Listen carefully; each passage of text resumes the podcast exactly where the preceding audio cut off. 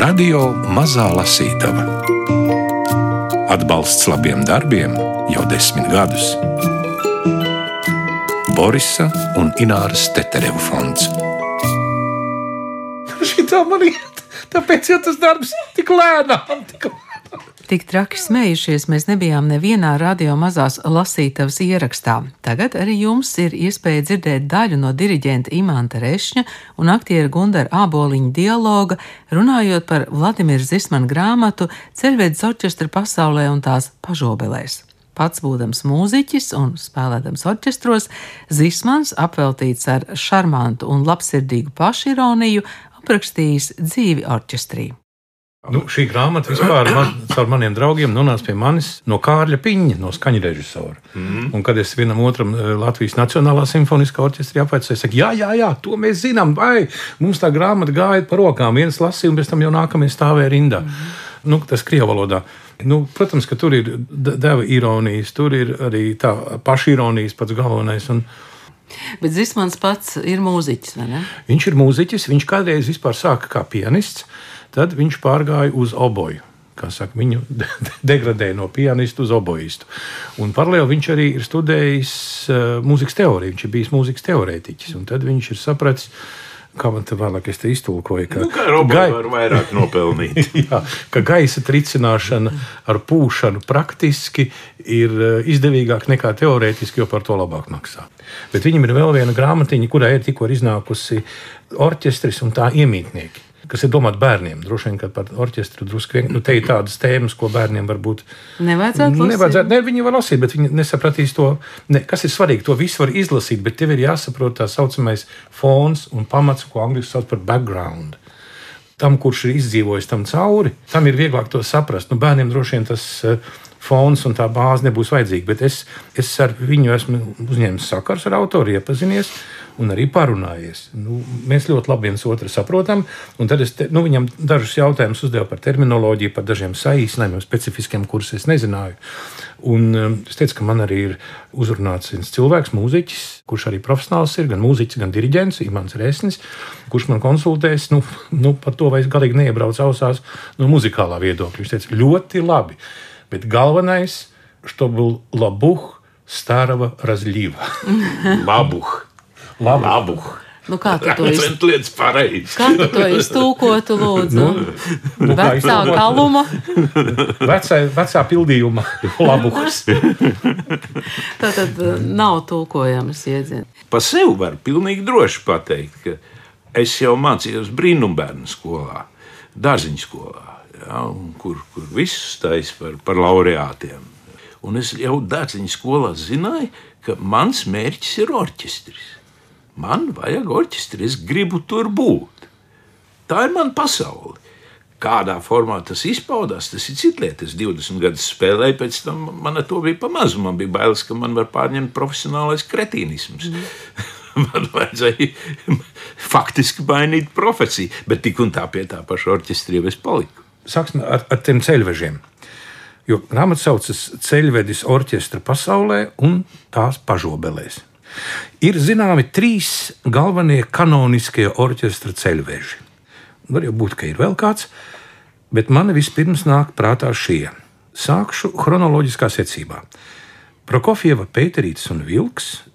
Interesanti, vai Vilks būtu jāraksta ar lielo burtu vai nē. Ja raksta ar lielo, tad acīm redzami briest kolīzija. Tad dramatisms jau attīstās pavisam citā līmenī. Notiek antagoniska pretstāve. No otras puses, viss šis dzīvnieku bars, ieskaitot vectētiņu, ir darbojošās personas. Nu, laikam jau tad ar lielo. Prokofjeva ideja patiešām ir ļoti interesanta. Gan raksturi, gan instrumenti ir ļoti precīzi un organiski. Un bērniem uz visu mūžu paliek atmiņā, jo viņiem to vēl ilgus gadus bāzīs ausīs, ka flauta ir putniņš, oboja pīlīte, bet burkšķošais vectētiņš ir fagots. Nu, vēlāk no Gribo Jēdova viņi uzzinās, ka fagots bez visa tā ir arī krekšķētājs, krācējs un pakāries pašnāvnieks. Vienkārši ņemot, tā tas arī ir. Jo vēlāk, kad viņi jau drusku paaugušies, skatīsies gulbju ezeru, Viņi droši zinās, ka mazo gulbīšu deju orķestrī atskaņo divas pīles un divi pašnāvnieki vectētiņi. Otru skaņdarbu par to ir uzrakstījis Benjamins Britens. Tas tā arī saucas ceļvedis simfoniskajam orķestrim, un sacerēts tas ir kā tēma ar variācijām par Henrija Persela tēmu, kur katru variāciju izpilda cits instruments vai orķestra instrumentu grupa. Šis ceļvedis gan ir mazāk zināms, taču ir ļoti labs. Kā starp citu, visi tie brīvdienas skaņdarbi, ko viņš ar savu maigo ironiju ir sacerējis par pagātnes komponistu tēmām. Un visbeidzot, protams, Federico Fellini orķestra mēģinājums, orķestra ābece un kaķisms. Ja neņem vērā atsevišķas maznozīmīgas detaļas, tad patiešām ir visaptverošs tā sociuma modelis, ko saucam par orķestri. Es šo filmu redzēju jau tad, kad tā tikko bija iznākusi uz ekrāniem, savas profesionālā mūziķa karjeras pašā sākumā, un tagad noskatījos to vēlreiz. Pirmkārt, izrādījās, ka es to gandrīz pilnībā vēl atceros. Otrakārt, un tas ir pilnībā sakrītošs ar kolēģu, kuriem es biju ieteicis to vēlreiz noskatīties iespaidiem. Taisni neticami, cik precīzi tur ir parādīti orķestra tipāži. Un orķestra mūziķu psiholoģija, ņemot vērā, protams, itāļu nesagraujamo arotbiedrību likumdošanu, ko var tikai apskaust. Tā kā mums blakus sēž arī diriģents, tad nodaļa diriģents. Diriģēšana ir viena tumša padarīšana. Tā ir teicis Rimskis Korsakovs. Jā, te ir viena problēma. Lieta ir tā, ka diriģenta attiecības ar orķestrantiem bieži vien veidojas caur antagonisku pretstāvēšanu, vienlaikus ievērojot arī subordināciju. No veselā saprāta viedokļa tas varētu likties mazliet dīvaini, jo abi kopā taču dara vienu darbu, kas turklāt ir attiecināms uz garīgo sfēru. Un, ja paveicas abām pusēm, tas mēdz būt pat ļoti garīgs. Diriģenta profesijas galvenā īpatnība un arī problēma ir tā, ka distance, kas tajā šķir profesionāli no viltvārža, ir lielāka nekā jebkur citur. Turklāt skatītājam tā nevienmēr ir redzama. Tā kā šajā grāmatā tiek stāstīts par labiem mūziķiem, tad arī diriģenti mums visi būs labi. Un te par mazu eksperimentu. Tad par to antagonismu mēs drīkst iesprāst mazajā intermezzo. Tad man jāsaka, tā man savā Intermezzo viņš teica. savā laikā man Briselē uzdāvināja vienu karikatūru. Viņa Viņi man joprojām mājās virs rakstām galda ir pie sienas. Un tur ir tās abas puses, kurām es pats esmu izgājis cauri. Es esmu redzējis to lietu no abām pusēm. Uzzīmēts orķestris un virs galvas viņiem mākonīts, kur, ko viņi katrs domā vai redz. Mm -hmm. nu, priekšā ir diriģents, protams. Visiem viņiem virs galvas ir kaut kādās neiedomājamās pozās mērkaķis. Tas ir tas, ko viņi domā. ja?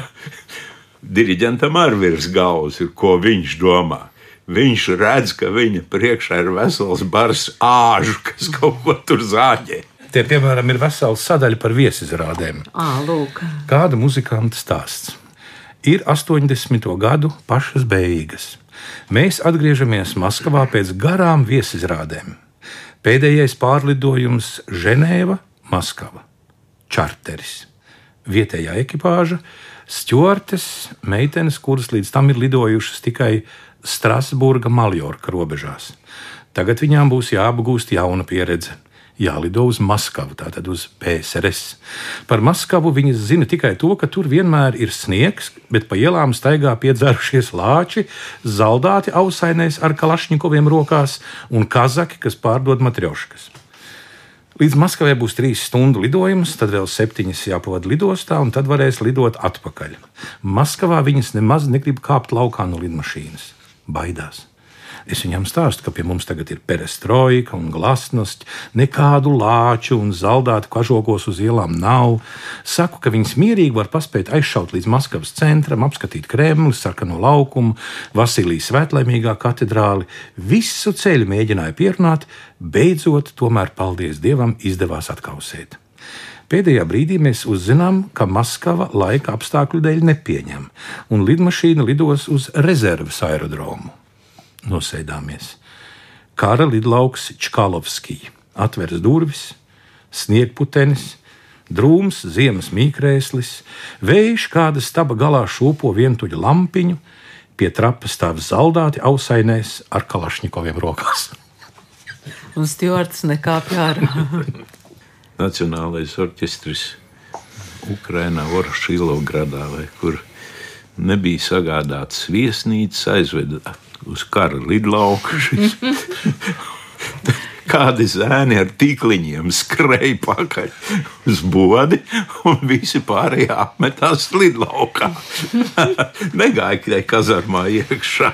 Tas beidzās ar to, ka tur bija liels tracis un trobels, jo pēkšņi lidmašīnas nevar nosēsties. Tur kaut kāda cilvēka staigā pa lidlauku. Mēs neesam neko uh, runājuši par publiku. No tiem laikiem, kad es sēdēju uz skatuves, nevis stāvēju, Aha. un kad es varēju Redzēt, Jā, tad, kad es stāvēju ar pakausu, es nevarēju redzēt. Es atceros ilgstoši pirmo rindu, platu nercādas apmetni, un tā bija Milda Brehmana Stengela. Viņa mīlēja sēdēt vienmēr tūlītais diriģenti pirmajā rindā. Vienmēr bija ar dārgakmeņiem, auskaros un, un ar nercādas apmetni. Vai tu zini, kas ir pirmais orķestris? pirmais vispār nē, Jā. nezinu. Pirmo lielo, vismaz dokumentos minēto profesionālo orķestri par godu skīnijas ienešanai Jeruzalemē un svinīgajai pamatakmens ielikšanai pirmā tempļa celtniecībai, cik man zināms, ir izveidojis ķēniņš Dāvids. Tagad seko citāts. Dāvids un karaspēka virsnieki nošķīra Asāfa, Hēmāna un Jedutūna dēlus pravietiskai kalpošanai līru, arfu un cimboļu pavadījumā. Viņi visi spēlēja kunga namā cimbolus, arfas un līras dieva nama kalpošanā. Viņu skaits kopā ar brāļiem, kas bija mācīti spēlēt kungam, visi, kas to prata, bija 288. Tas ir gandrīz trīsreiz vairāk nekā mūsdienu simfoniskajā orķestrī. Te ir pilnīgi skaidri pateikts, ka mums ir darīšana ar profesionālu kolektīvu, kurš atbrīvots no citiem pienākumiem. Es to droši sauktu par priekšteci mūsdienu Izraēlas filharmonijas simfoniskajam orķestrim Zubina Metas vadībā. Man vissirsnīgākie sveicieni Izraēlas simfoniskajam 3000. jubilejā. Publika mēdz būt visdažādākā. Taču ir viens aspekts, kas to vieno. Tā ir ieradusies uz svētkiem, neatkarīgi no tā, ko katrs no mums ar to saprot. Pat tad, ja ir zināms, ka šodien tas tā nemaz nav, mēs vienalga nedrīkstam viņam laupīt šo ilūziju. Lai arī pēc kādas necilvēcīgi augstās mākslas šie ļaudis nebūtu ieradušies, koncerts jebkurā gadījumā ir šovs. Nemaz nav nepieciešams, lai ērģelnieks rāpotu un kāpelētu pa ērģeļu stabulēm, lai pianists vizinātos uz flīģeļa, bet diriģents iznāktu uz skatuves saslēgts roku dzelžos un tiesu izpildītāju pavadībā. Jau pati gaidīšana uz orķestra, solistu un diriģenta iznācienu ir savā ziņā šova elements. Publiku allaži sajūsmina visādas štučkas, ko kino vai cirkā mēdz saukt par gegiem. Piemēram, vilniekam pārtrūkst stīga, un visi uzreiz atceras slavenu atgadījumu ar Paganīni. Tādējādi arī Mendelsona koncertā var tikt ienests zināms svaigums, vai arī pianista dziļdomīgā brīļu slaucīšana garā ievada laikā pirms Beethovena klavieru koncerta lēnās daļas. Kamēr spēlē orķestris, viņam tāpat nav ko darīt, un šis process ir pat visai skatāms.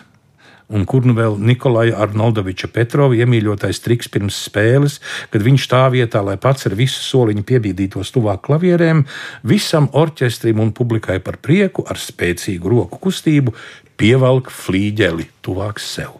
Nu, Petrovs jau būt dušīgs vīrs. Varēja pievilkt flīģeli. Jā, mierīgi. Kāda problēma?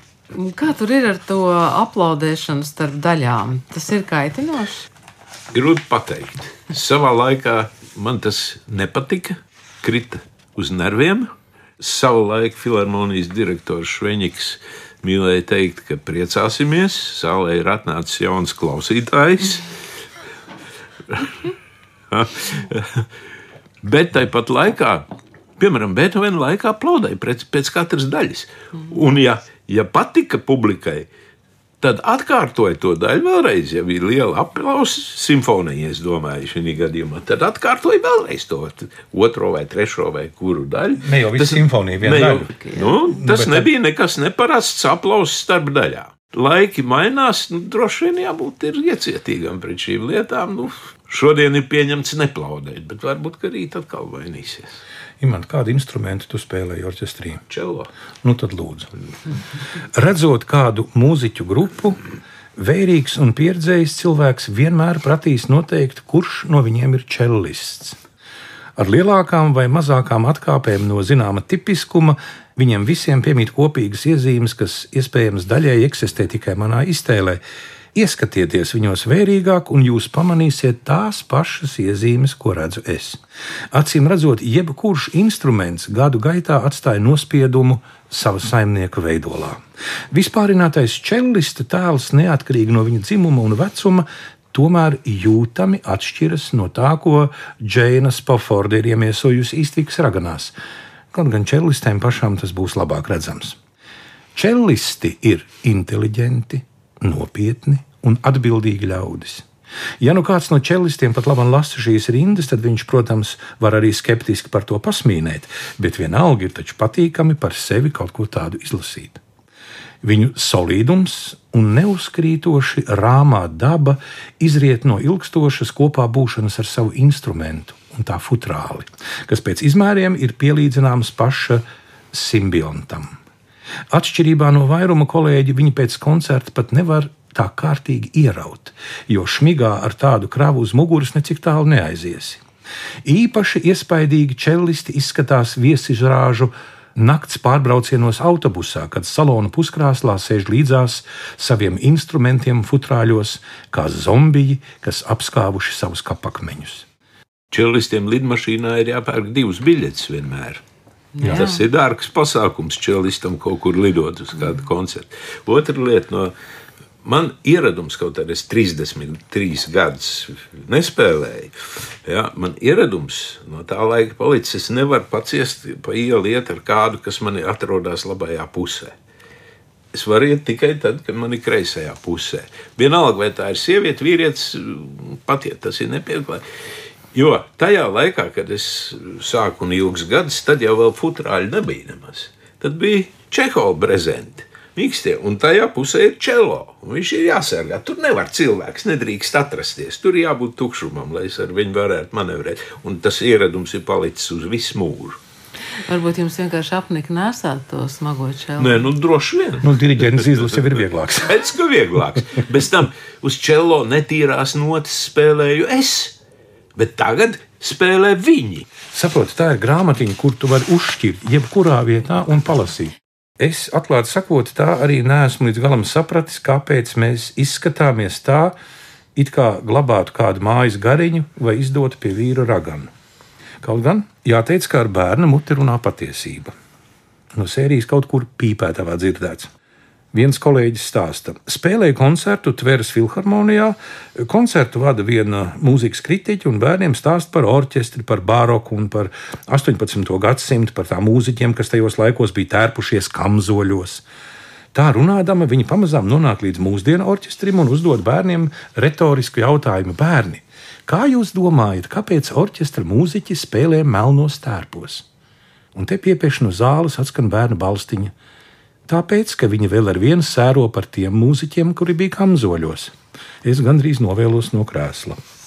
Bet uh, kāpēc spēlē melnos tērpos? Tāpēc, ka fraks ir pieņemts melns, kaut gan bija jau laiki, kad fraks bija arī krāsains. Un tad jau arī spēlēja citādi. Fraka? 20. gadsimtā fraka bija vienmēr melna.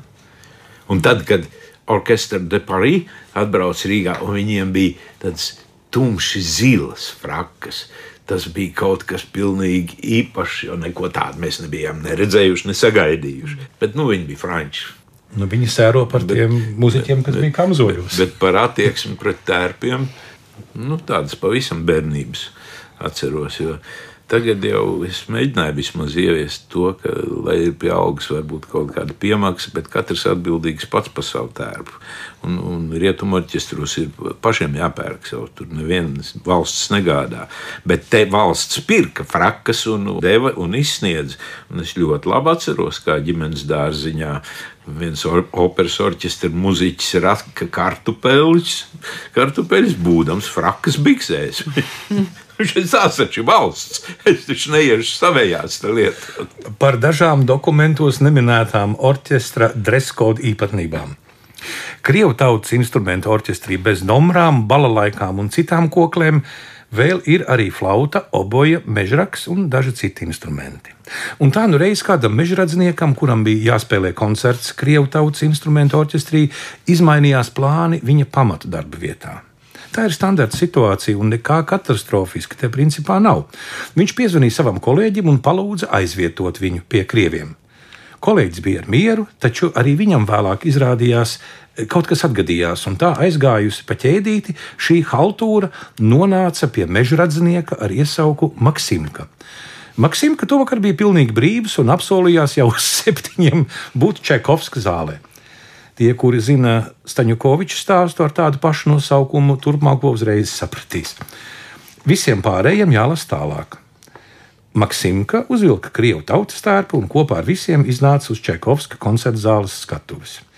Aprakstīt Osipova tautas instrumentu orķestra diriģenta stāvokli kad viņš savu balalaiku stringšķinātāju pulkā ieraudzīja krievu tautas